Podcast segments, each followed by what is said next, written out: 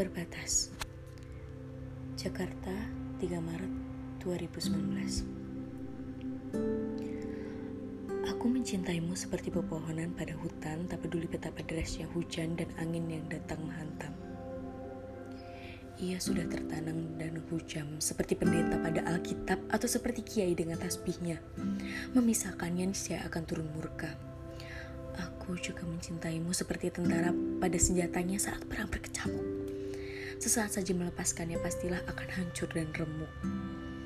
Aku juga mencintaimu saat kita berada di tengah hutan rimba yang gelap.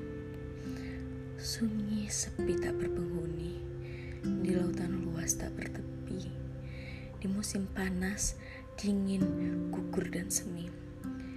Di saat meja makan kita hanya ada buah kecapi, buah anggur atau buah delima semua sama saja. Kamu ada di mana-mana. Di sebuah negeri konflik di Afrika, di Indonesia yang indah dan mempesona, di Timur Tengah, Amerika, dan Eropa.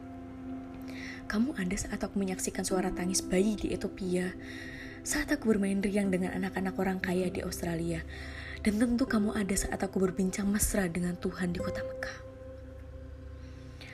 Aku rasa aku tak ingin menikmati surganya Aku juga tidak tertarik dengan bidadari-bidadari ciptaannya. Aku hanya ingin kau saja.